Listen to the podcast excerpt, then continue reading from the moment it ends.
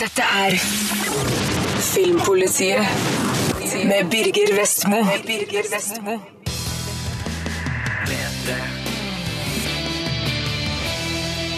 Her skal Safe House anmeldes. He was one of the most brilliant CIA operatives we ever had. Until he went rogue. He's responsible for the deaths of multiple agents. Safe House har mye å takke Jason Bourne for. Noen elementer er forandra, men mye er åpenbart sterkt inspirert av Bourne. Den svenske regissøren Daniel Espinosa har forsøkt å tilføre filmen så høy energi som mulig, og det er vitterlig få dødpunkter mellom actionsekvensene. Denzel Washington og Ryan Reynolds er gode i hver sin hovedrolle, men historien er nok litt for enkel å gjennomskue, samtidig som den kunne vært filma med mer finesse. Denne filmen brauter seg frem overalt. Matt Weston, spilt av Reynolds, har ansvaret for et såkalt safe house i Cape Town, Sør-Afrika. Et sikkert sted for CIA-agenter i utlandet. Et agentteam kommer med Tobin Frost, spilt av Denzel Washington, en tidligere agent som nå er ettersøkt for forræderi. Men så blir huset angrepet av noen som er ute etter Frost, og det blir opp til Weston å få dem i sikkerhet. Remember rule number one, you're responsible for your house guests. Både Washington og Reynolds leverer en solid innsats. Figurene er ikke av det komplekse slaget, men spesielt Washington balanserer hårfint mellom å være slem og snill, slik at vi ikke helt vet hvor vi har han. Jeg liker også Reynolds sitt spill. Han er troverdig som passer uskyldig fersking som kastes ut i et actioneventyr for viderekomne. Det er for øvrig morsomt å se svenske Fares Fares, kjent fra morsomme roller i Jalla Jalla og Kops, som iskald leiemorder. Han overbeviser i en definitivt lite morsom rolle. I'm already in your head. Safe House er ingen dårlig kopi, men når likevel ikke helt opp til Born-kvalitet. Manuset er for ujevnt, det tas flere åpenbart dumme avgjørelser. Noen av de jaktende geværfolka er så kjappe at de må være i stand til å teleportere seg fra sted til sted. Og det er litt enkelt å spotte sammenhengen i historien, men Safehouse er likevel hardtslående actionunderholdning som duger inntil The Born Legacy kommer senere i år. Taking you in. I want you to take me in. Dette er Filmpolitiet på P3. There's good and bad in all of us. It doesn't matter how far you run. There are some demons Nicolas Cage er kjent for sitt overdrevne skuespill. Sjøl kaller han det mega-acting. I Ghost Rider 2 Spirit of Vengeance tipper han fullstendig over. Cage ligner en parodi på seg sjøl, med helt uhemma bruk av grimaser. Med den gale regiduoen Neville Dean Taylor bak kamera er det faktisk en forståelig strategi, men dessverre er manuset så latterlig at Cages forsøk på mega-acting ender opp som en dårlig spøk. So.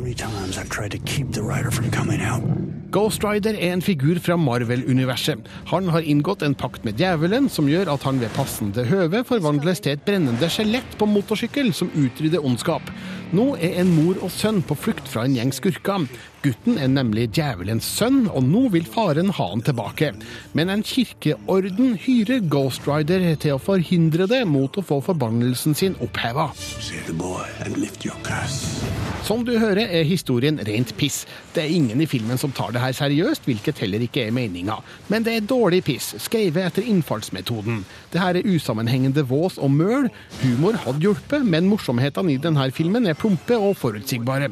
Tøff action hadde hjulpet, men de scenene er klippa sammen til å ligne et epileptisk anfall, og i 3D kan det her gi deg svimlende hodepine. Plus, I have some personal issues I kind of like to get fixed. Selve Ghost Rider-effektene er ganske kule, men Neville Dean Taylor oppfører seg som bulldosere i en sandkasse. De prøver å lage stor film med små midler, noe jeg kan berømme dem for, men det er smertelig åpenbart at ambisjonene er større enn evnene. Handlinga er lagt til Øst-Europa, der filmen nå er innspilt, og det oser lav kvalitet og filming på lavt budsjett av det her. I'm not afraid of you. You should be. Marvel har hatt stålkontroll på filmatiseringen av sine figurer de siste årene, men Ghost Rider 2 Spirit of Vengeance er et stygt skjær i sjøen. Det er dessuten en spiker i karrierekista til Nicolas Cage, men jeg håper han reiser seg igjen, bare han ikke forsøker med Ghost Rider 3. Hell yes.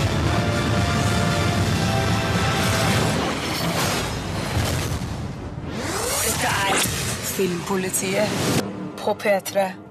Hvis du lurer på hvordan du skal se Oscar-utdelinga natt til mandag, så trenger du ikke å spekulere veldig mye lenger på det, fordi alt skjer live på NRK1 takket være NRKs eminente TV-program Filmbonanza og programleder Vegard Larsen. Velkommen, Vegard. Tusen takk. Ja, dette er, dette er årets store fest for oss, er det ikke det? Det er jo det. Det er eh, altså all, Allerede nå så pumper adrenalinet mitt litt. Altså det, vi sitter jo oppe hele natta. Altså det er jo litt eh, crazy stemning, egentlig. Eh, men uh, det er også veldig gøy. da. Jeg gleder meg veldig mye. Det antar jeg at du gjør òg. Veldig. Og nå er det jo selvfølgelig i- i utgangspunktet litt sånn teit å skulle konkurrere om kunst, men samtidig så, så er det gøy med glitter og glamour òg. Vi kan ikke komme unna det.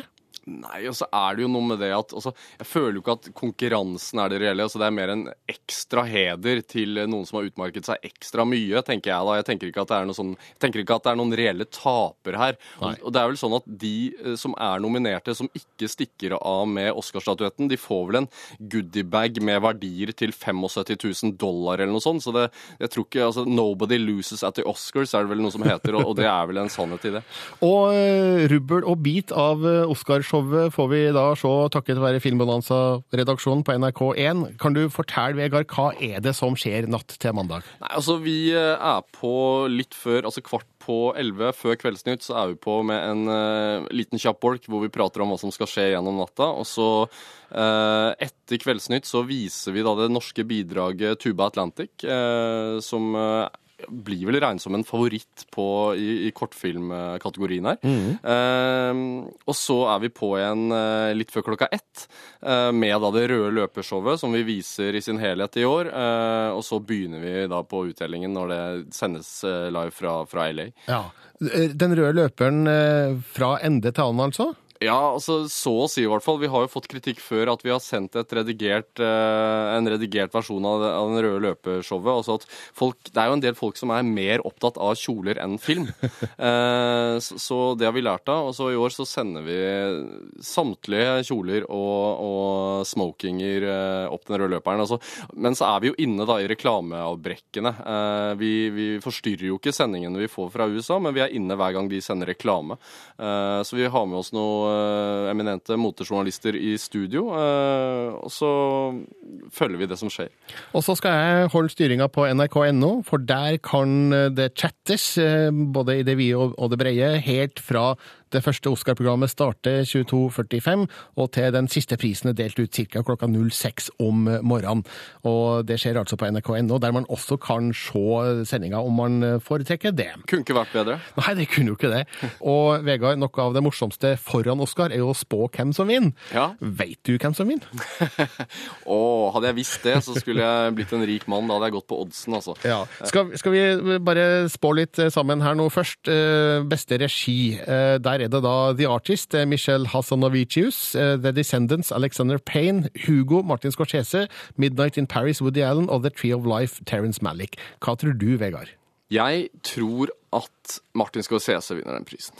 Nå har ikke jeg sett Hugo, har du? Jeg har sett Hugo. Eh, Det er en eh, deilig filmopplevelse.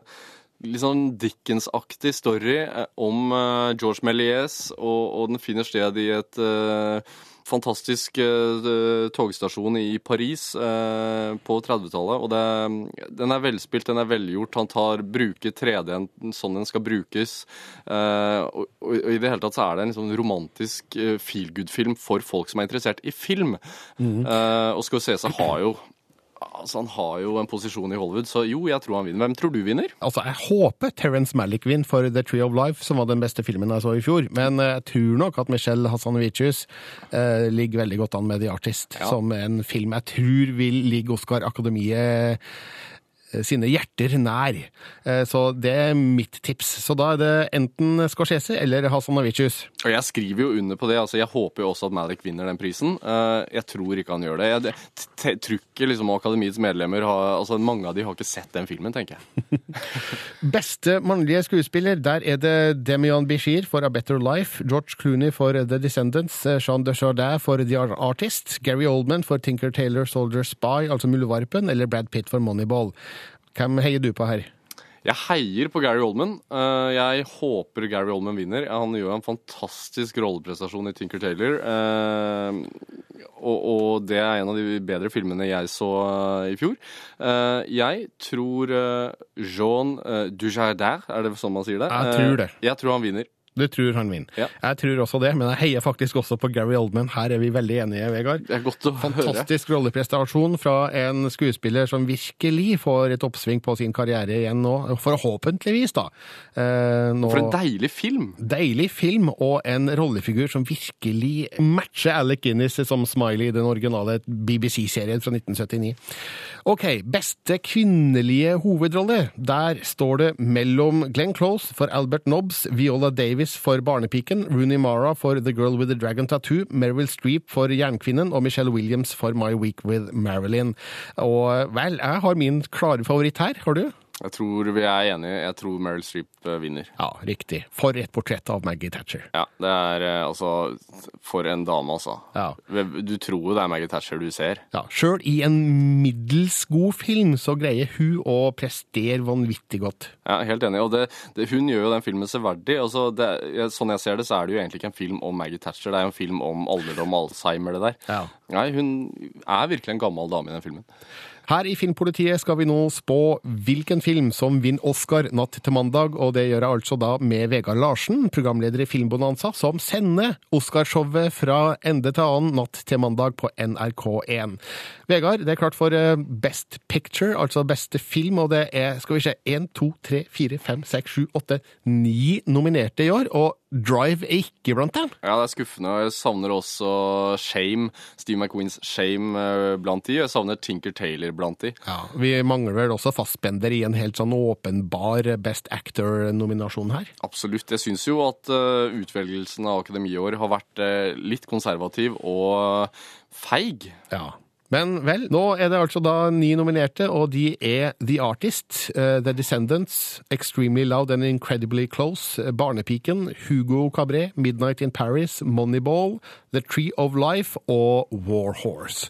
Og eh, vel, nå har vel oppkjøringa til Oscar pekt ut én klar favoritt, nemlig The Artist. Hva, hva mener du om den? Jeg tror den vinner.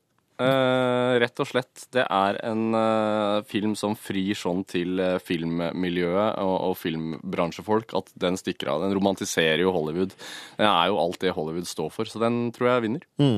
Det, det er noe med å se seg tilbake, som Oscar-akademiet tradisjonelt sett er veldig glad i. Ja, det gjør i hvert fall det i år. Det er litt sånn eh, Vi velger ikke det farlige nye som prøver å, å brekke ny grunn. Vi velger filmer som eh, ser tilbake på gullalderen. Og The Artist gjør jo virkelig det. Den, den feirer alt det som er godt, eller var godt, med Hollywood. Den feirer nybrottsfølelsen, altså pionerarbeidet og den første gullalderen i Hollywood. Mm. Det må jo sies at det er jo en eh, fantastisk film. Eh, jeg så filmen på filmfestivalen i London, og, og det er en av de få gangene jeg har opplevd interaksjon fra publikums side. Altså, folk buer til, til lerretet og klapper underveis. Altså, siden det er en stumfilm, så får man en helt annen kinoopplevelse. Da, og det, det, det er ganske ekstraordinært, syns jeg. Det vil jo være ganske oppsiktsvekkende da, dersom en stumfilm i sort-hvitt i 2012 skulle gå hen og vinne en Best Oscar. Ja, ikke sant? Liksom, det setter jo et spørsmålstegn ved hvorfor James Cameron har investert liksom, milliarder av kroner i, i 3D, ja. når han bare kunne skutt en eh, film i sort-hvitt. Men eh, når det er sagt, altså The Artist, eh, den kommer til å vinne. Eh, Tror du det også, eller? Ja, jeg tror den kommer til å vinne. Men eh, hadde jo også her håpa på The Tree of Life. Eh, Men hvorfor, eh, hvorfor tror du ikke den eh, har sjans? Æsj, den frir vel ikke så mye til publikum i det hele tatt. Det er jo en eh, Hva skal man si, den går vel under definisjonen kunstfilm. Ja. Eh, eh, men det er jo en film som våger veldig, veldig mye mer. Eh, også, men, men Terence Malick er nok antageligvis ikke i salen, eh, og hadde nok ikke tatt imot prisen uansett. Men eh, hadde vi fått noen andre til å gjort det for seg. Men, men selvfølgelig, det, den filmen burde ha vunnet. Eh, nå sier vi jo på forhånd at den ikke gjør det. Kanskje den overrasker, kanskje den vinner. Vi håper det. Ja, men vi tror på The Artist begge to. Ja. Vi får se natt til mandag. Da vises altså Oscarshowet fra start til slutt på NRK1 med Vegard Larsen i Filmbonanza studio og meg sjøl på chatten på nrk.no, der man også kan se en stream av sendinga hvis man ønsker det. Det er bare å sette på kaffedrakteren. Ja, det blir mye sort kaffe natt til mandag, Vegard. For du har en god helg inntil videre, og så blir det full fart med Oskar på, på NRK natt til mandag. Fint, vi gleder oss. Hei. Hei. Dette er Filmpolitiet med Birger Vestmo. Birger Vestmo. Men eh, her skal du få min dom over eh, The Artist, som altså har norgespremiere i dag.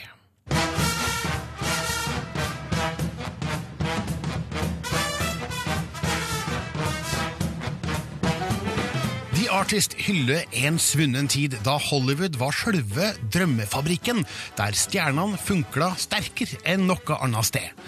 Regissør Michel Hassanovicius pøser på med sjarmerende og søtladen nostalgi, og siden The Artist er laga som stumfilm, trenger ikke skuespillerne bry seg om å formidle følelser og stemninger med brysom dialog. Svulstige fioliner og lett overdreven mimikk og kroppsspråk dug i massevis. Trass i det noe uvante filmspråket lykkes filmen overraskende godt med det den forsøker å gjøre. Fortellinga starter i 1927. Stumfilmstjerna George Valentin, spilt av Jean Dujardin, hjelper Peppy Smith, spilt av Berenice Beyo, i gang med sin Hollywood-karriere. Når lydfilmen gjør sitt inntog, nekter George å innse at det her er fremtida, noe som får katastrofale følger for hans egen karriere. Plutselig er han glemt, mens Peppy er den nye stjerna i byen. Men hun har ikke glemt sitt store idol. The Artist er nydelig i skildringa av det gamle Hollywood, og hvilken betydning den gryende filmindustrien hadde hos allmennheten. Se bare på ansiktsuttrykkene til det hengivne publikummet i en tidlig scene. De er som sugd inn i eventyret de ser utfolde seg på lerretet. Dessuten får vi en god følelse av pionerarbeidet, den naive optimismen og den enorme utviklinga i filmindustrien, der stjerna kun tennes og slukkes omtrent over natta. Historien i seg sjøl er ganske enkel. Det handler om en mann som har alt, mister alt, og hvordan han kommer seg tilbake igjen. Men det er en fryd å oppleve Jean Dujardin i hovedrollen. Hans George Valentin oser av klasse. Den smale barten, det blendende smilet, det finkjemma håret. Denne fyren har perfeksjonert utseendet til en klassisk stumfilmstjerne. Berenice Beyo er òg frisk, frekk og nydelig som Peppy Miller, jenta som forelsker seg i Valentin og får karrieren i gang takket være han. De spiller svært godt innafor sine rollers stramme rammer. Regissør Michel Hanasavicius har gjort en genistrek ved å filme historien som en stumfilm nesten hele veien. Det er med på å understreke historiens kontekst, forsterke tidskoloritten og gir han muligheter til å leke med lyd i noen svært effektive scener. Jeg skal ikke avsløre hvordan det gjøres, men det her er elementer som er like virkningsfulle som den røde kåpa i Steven Spielbergs Schindlers liste. The Artist er absolutt en annerledes film. Noen vil kanskje synes stumfilmaspektet virker fremmedgjørende, men jeg finner filmen svært lett å bli glad i. Den romantiserer over en lav sko, og fraværet av dialog forenkler figurenes reaksjonsmønstre og utvikling gjennom historien, men jeg liker det jeg ser veldig godt. The Artist er retrogull.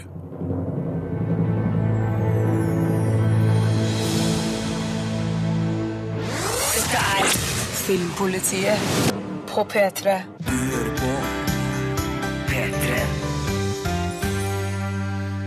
På onsdag starter en splitter ny filmfestival i Oslo. Den heter kort og godt Filmfest Oslo, og det er hjertebarnet til initiativtaker og programsjef Morten Steingrimsen.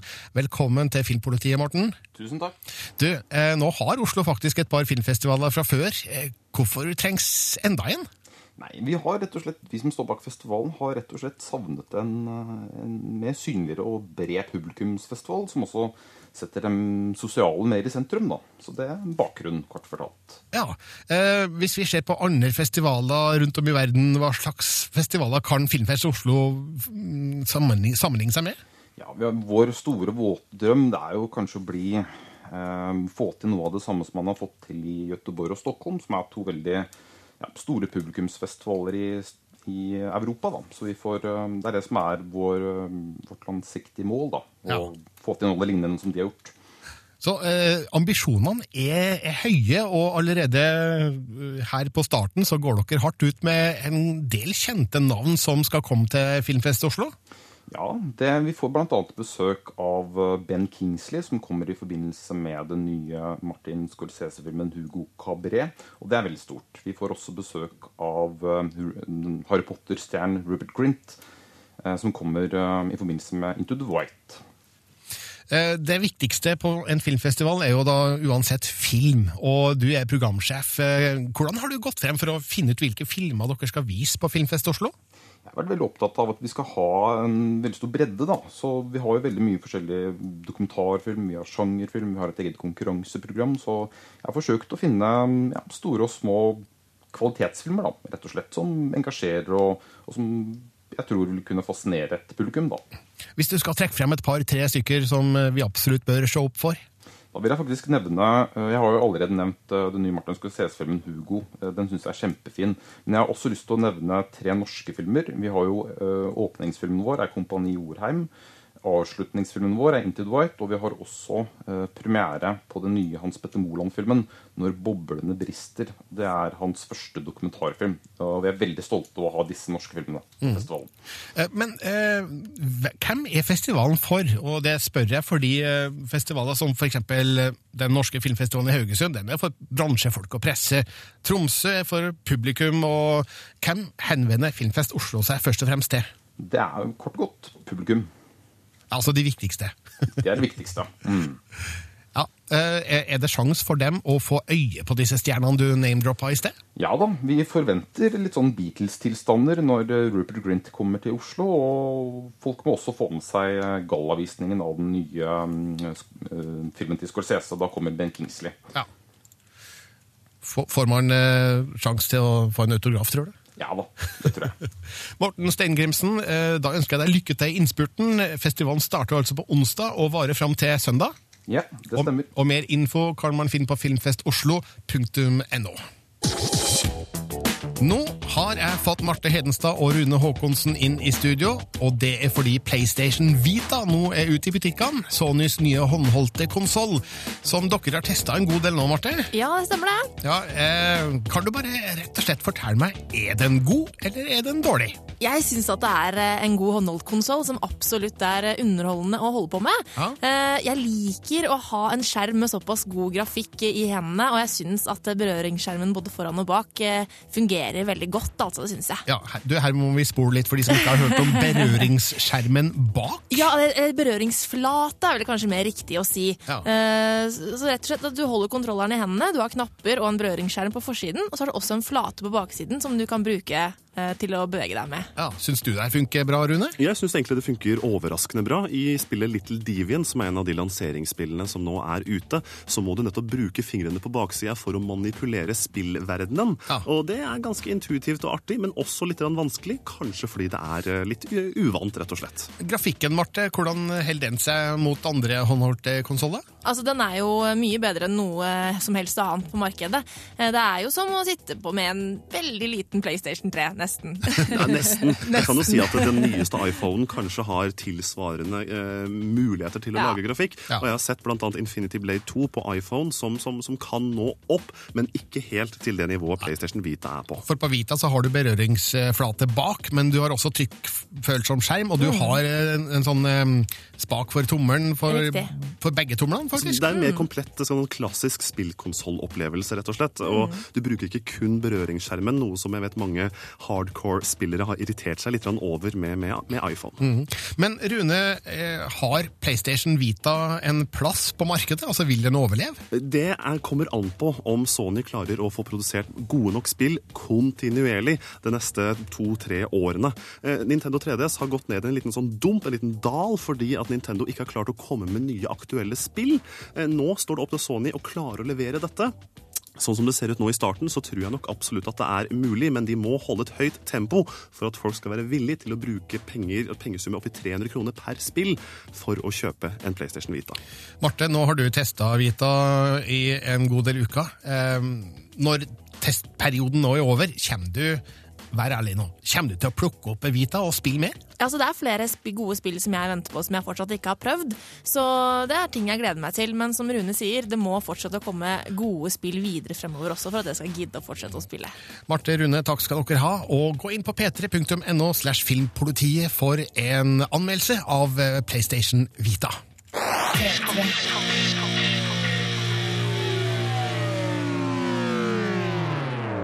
Du skal få høre min anmeldelse av premierefilmen This Must Be The Place. You know about the Holocaust? In a general sort of way. And your father? Did you know your father? In a general sort of way. En roadmovie om en aldrende rockestjerne på jakt etter en nazioffiser. This Must Be The Place er akkurat like rar som denne pitchen. Sean Penn gjør en festlig hovedrolle, åpenbart inspirert av utseendet til Robert Smith fra The Cure, kryssa med ganglaget til Ossie Osborne og stemmen til Truman Capote. Det er morsomt å se han hver fisk på land, men historien er veldig rar og har tilsynelatende ingen dypere lag. Det her er overfladisk snåleri som reddes av Sean Penn. My father is dying, and I haven't flown in 30 years. Fear of flying isn't your only problem. That's true. It's one of the reasons I fell in love with you. Vi møter den noen og 50 år gamle rockestjerna Cheyenne, spilt av Sean Penn, som ikke har opptrådt på 20 år og lever på royalties i Dublin. Han krysser Atlanteren når faren ligger for døden, men kommer for seint. Cheyenne får vite at faren helt til det siste jakta på nazioffiseren som plaga han i en konsentrasjonsleir under andre verdenskrig, og legger ut på den amerikanske landeveien for å avslutte det som faren ikke rakk. Hva gjør du her, here in this godforsaken place? I'm looking for a Nazi criminal from Auschwitz. Utgangspunktet virker svært lovende, med Sean Penns utsvevende figur med en kombinasjon av rockeglamour, sort humor og tragisk klangbunn. Og det er morsomt å oppleve kontrastene mellom han og det svært så amerikanske landskapet han beveger seg gjennom. Men figuren hans er såpass klovnete at det er vanskelig å ta hans emosjonelle utbrudd på ramme alvor. Når han beklager seg over at han aldri fikk barn, eller at faren ikke elska han, virker det ikke helt ekte og troverdig. I en roadmovie er det vanlig at figurene påvirkes av de man møter underveis, og vice versa. Jeg ser ikke helt den utviklinga her. Mange av møtene byr på underfundigheter om livet. Av og til kommer han med noen treffende visdomsord som virker litt for treffende. Altså noe som en manusforfatter har pønska ut, ikke noe en person finner på å lir av seg i en tilfeldig situasjon. Actually, Mick Jagger. Historien ramler snart inn på ville veier der sammenhengene ikke er fryktelig åpenbare. Men det gir oss i hvert fall en imponerende sekvens mot slutten, der den 83 år gamle skuespilleren Heinz Lieven gjør et fabelaktig innhopp. This Must Be The Place har òg en flott konsertsekvens med David Byrne, som spiller Talking Heads-låta filmen har henta tittelen fra. Slike enkeltstående gullkorn gjør filmen verdt å se, men helheten blir litt for vag og diffus etter min smak. Jeg ser det visuelle resultatet av Cheyennes reise, men ser ikke helt hvorfor reisa skal ha påvirka han.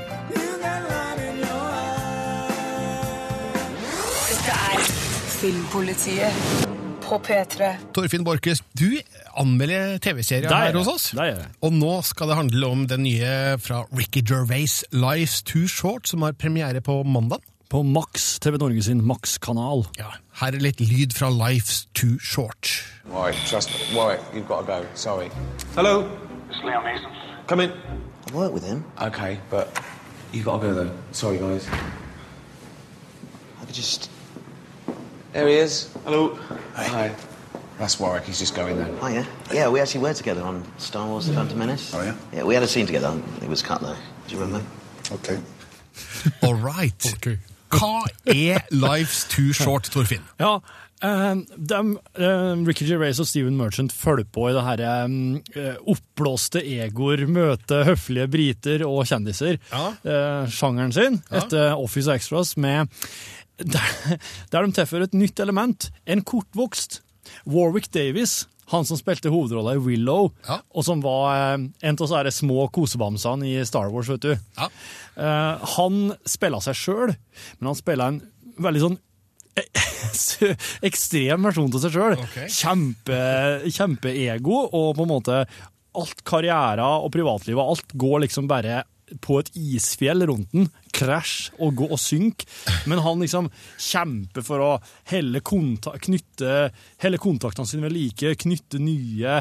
Han lever i en slags sånn eh, boble da, og går rundt eh, og så, Han er jo kortvokst, så det er litt sånn det er fascinerende å se på, samtidig som han driver og møter ja, for eksempel her Lime Neeson. da. Og så driver han og, driver han og prøver å få Gervais og Merchant med på noe nye greier, for han, han trenger å jobbe. Ja. Så det her er en sånn liksom dokumentarisk komiserie? Ja, ja. Det er en, det er en sånn mockumentary, da, som det kalles. Og uh, litt sånn mockumentary dramakomedie. Uh, det var jo det har vært noen trailere ute, blant annet en med Warwick Davis i en sånn froskedrakt som var helt hysterisk. Der Ricky Gervais bare sitter i en tropp og flirer av han, og, og det i seg sjøl er traileren for den nye BBC-serien. Den første episoden som jeg har sett, er ikke, sånn, den er ikke så artig ennå. Høydepunktet i denne episoden er faktisk Lime Neeson, som kommer inn til Ricky Gervais og Steven Merchant og sier at han vil begynne med litt sånn standup, litt sånn impro-humor-standup. Og Lime Neeson altså, for en Altså, han stjeler hele showet i første episode, egentlig. Eh, og som i Extras så kommer jo en ny kjendis til å være eh, være med hver uke, da. Altså, Lime Neeson åpner showet. Er Life's Too Short like morsomt som The Office og som Extras, de forrige seriene til Ricky Gervais? Ikke etter første episode, men jeg har hørt rykter om at det kommer seg veldig.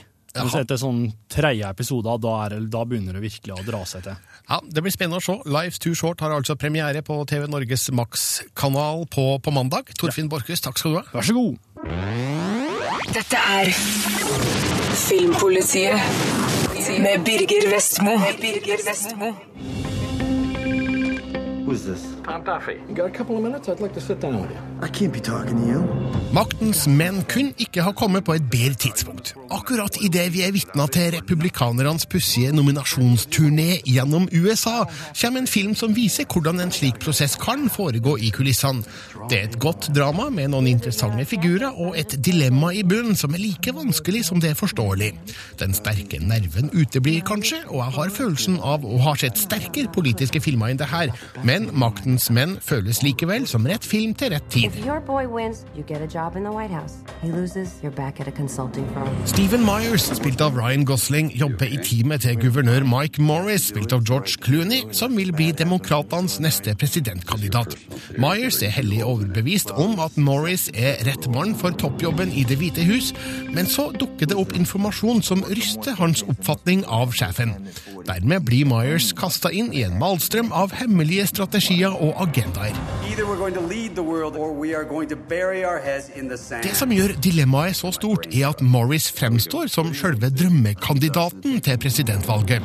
George Clooneys politiske ståsted er godt kjent, og det er ingen tvil om at Morris innehar alle de meningene og egenskapene som Clooney gjerne ønsker at en presidentkandidat skal ha.